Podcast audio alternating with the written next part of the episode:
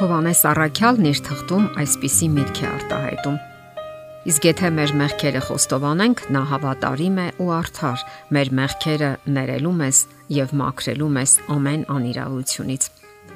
Ներումը Աստվածաշնչյան կարևոր գաղափարներից մեկն է։ Առանց ներման չկա եւ փրկություն։ Եթե մարդը չի գիտակցում ներման կարևորությունը, նա չի կարող խոստովանել իր մեղքերը եւ ազատագրվել դրանից։ Իսկ խոստովանությունը սկսվում է մեղքի գիտակցումից եւ Աստծուն դիմելու անհրաժեշտությունից, որովհետեւ միայն Աստված կարող է մարդուն ազատագրել մեղքից։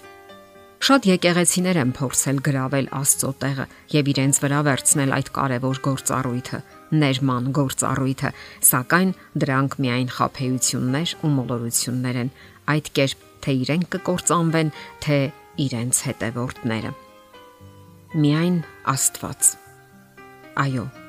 Միայն Աստված կարող է ազատագրել ադամական մեղքից, որը բնակվում է մարդու մեջ։ Իդեմս Հիսուսի մենք ունենք անznական փրկիչ, ով իր վրա է վերցրել մեր մեղքերը եւ մահացել մեր փոխարեն։ Մեկ անգամ եւս անդրադառնանք Հիսուսի անձին եւ նրա առաքելությանը երկրի վրա։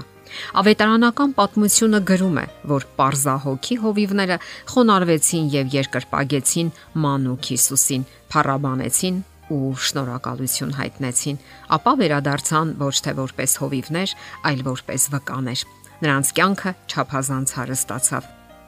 Եվ բոլոր նրանք, ովքեր իրենց կյանքը վստահում են Աստծուն, հարստացնում են այն։ Ով կարող էր մտածել, որ մսուրքի մանկան անզոր ճիչը ապագայում կդառնա այն հզոր ձայնը, որ գերեզմաններից կյանքի կկոչի իրեն հավատացողներին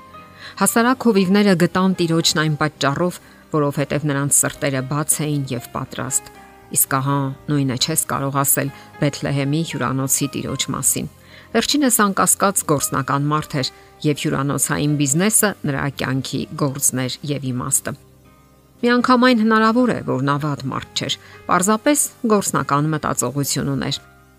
Մեկ այլ գիշեր նա հնարավոր է բարության մարմնացում լիներ, սակայն այդ ոչ անսովոր լարված գիշերը ոչ։ Որն էր պատճառը։ Փոքր քաղաքը հեղեղված էր մարդկային բազմությամբ։ Փողոցների աղմուկի ու փոշու մեջ ամենուր լսվում էին գրգռված մարդկանց բարձր խոսակցություններն ու տակ-տակ վեճերը։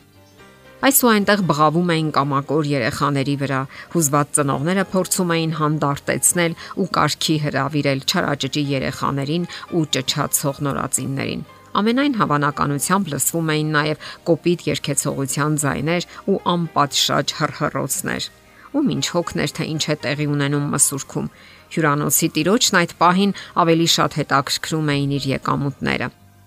Նա արդեն բաժանել էր սենյակները, դրանք տալով առավել կարևոր եւ ունևոր հյուրերի։ Իսկ ահա Հովսեփի ու Մարիամի համար սենյակ չճարվեց եւ նրանց առաջարկվեց մսուրքը։ Այս նույն ձևով էլ հաճախ մենք ենք վարվում մարդիկս։ Մենք մեր հոգու լավագույն ուժերը վատնում ենք անպիտան ու անարժան բաների վրա, համարյա տեղ չթողնելով Քրիստոսի համար։ Մենք վատնում ենք մեր կենսական լավագույն ուժերը եւ հնարավորությունները անկարևոր գաղափարների ու գործերի վրա եւ ի վերջո ուժասպառ կանգ առնում։ Միայն վերջում գիտակցելով, որ համարյա տեղ չենք հատկացրել Հիսուսին, այնինչ Աստված ուղարկել է Հիսուսին, որpիսի իրականացնի մարդուն ներելու եւ փրկելու Աստվածային մեծ առաքելությունը։ Ներվել նշանակում է ընդունել վերափոխվելու հնարավորությունը Երբ մենք գիտակցում ենք մեր մեղքերը, հասկանում ենք դրանք թողնելու անհրաժեշտությունը։ Իսկ երբ մենք մեր հոգում տեղ չենք թողնում ներման համար, այնտեղ սկսում են տեղ գտնել չարությունը, եսասիրությունն ու հպարտությունը։ Մեկ անգամ եւս մտորենք հյուրանոցի տիրոջ մասին։ Նա փակեց բոլոր դռները եւ հանգիստ գնաց քնելու։ Թշվառ մարդ։ Նրա կողքով անցավ աշխարի մեծ ագույն պատմությունը այդ մարդն անհայտ մնաց եւ փաստորեն հիշվում է միայն այն պատճառով, որովհետեւ մեր տիրոջ մորն ուղարկեց կենթանիների մոտ։ Մինչ այդ մարդը քնած էր, հրեշտակները երգում էին փրկչի ծննդյան հրաշալի երգը։ Ներելը եւ ներվելը ընտրություն է։ Իսկ ինչն է հաճախ խանգարում մարդկանց ներողություն խնդրելու, գիտակցելու սեփական սխալները եւ անկեղծորեն ընդունելու դրանք։ այնքան շատ վեճերից կազատագրվեինք այդ դեպքում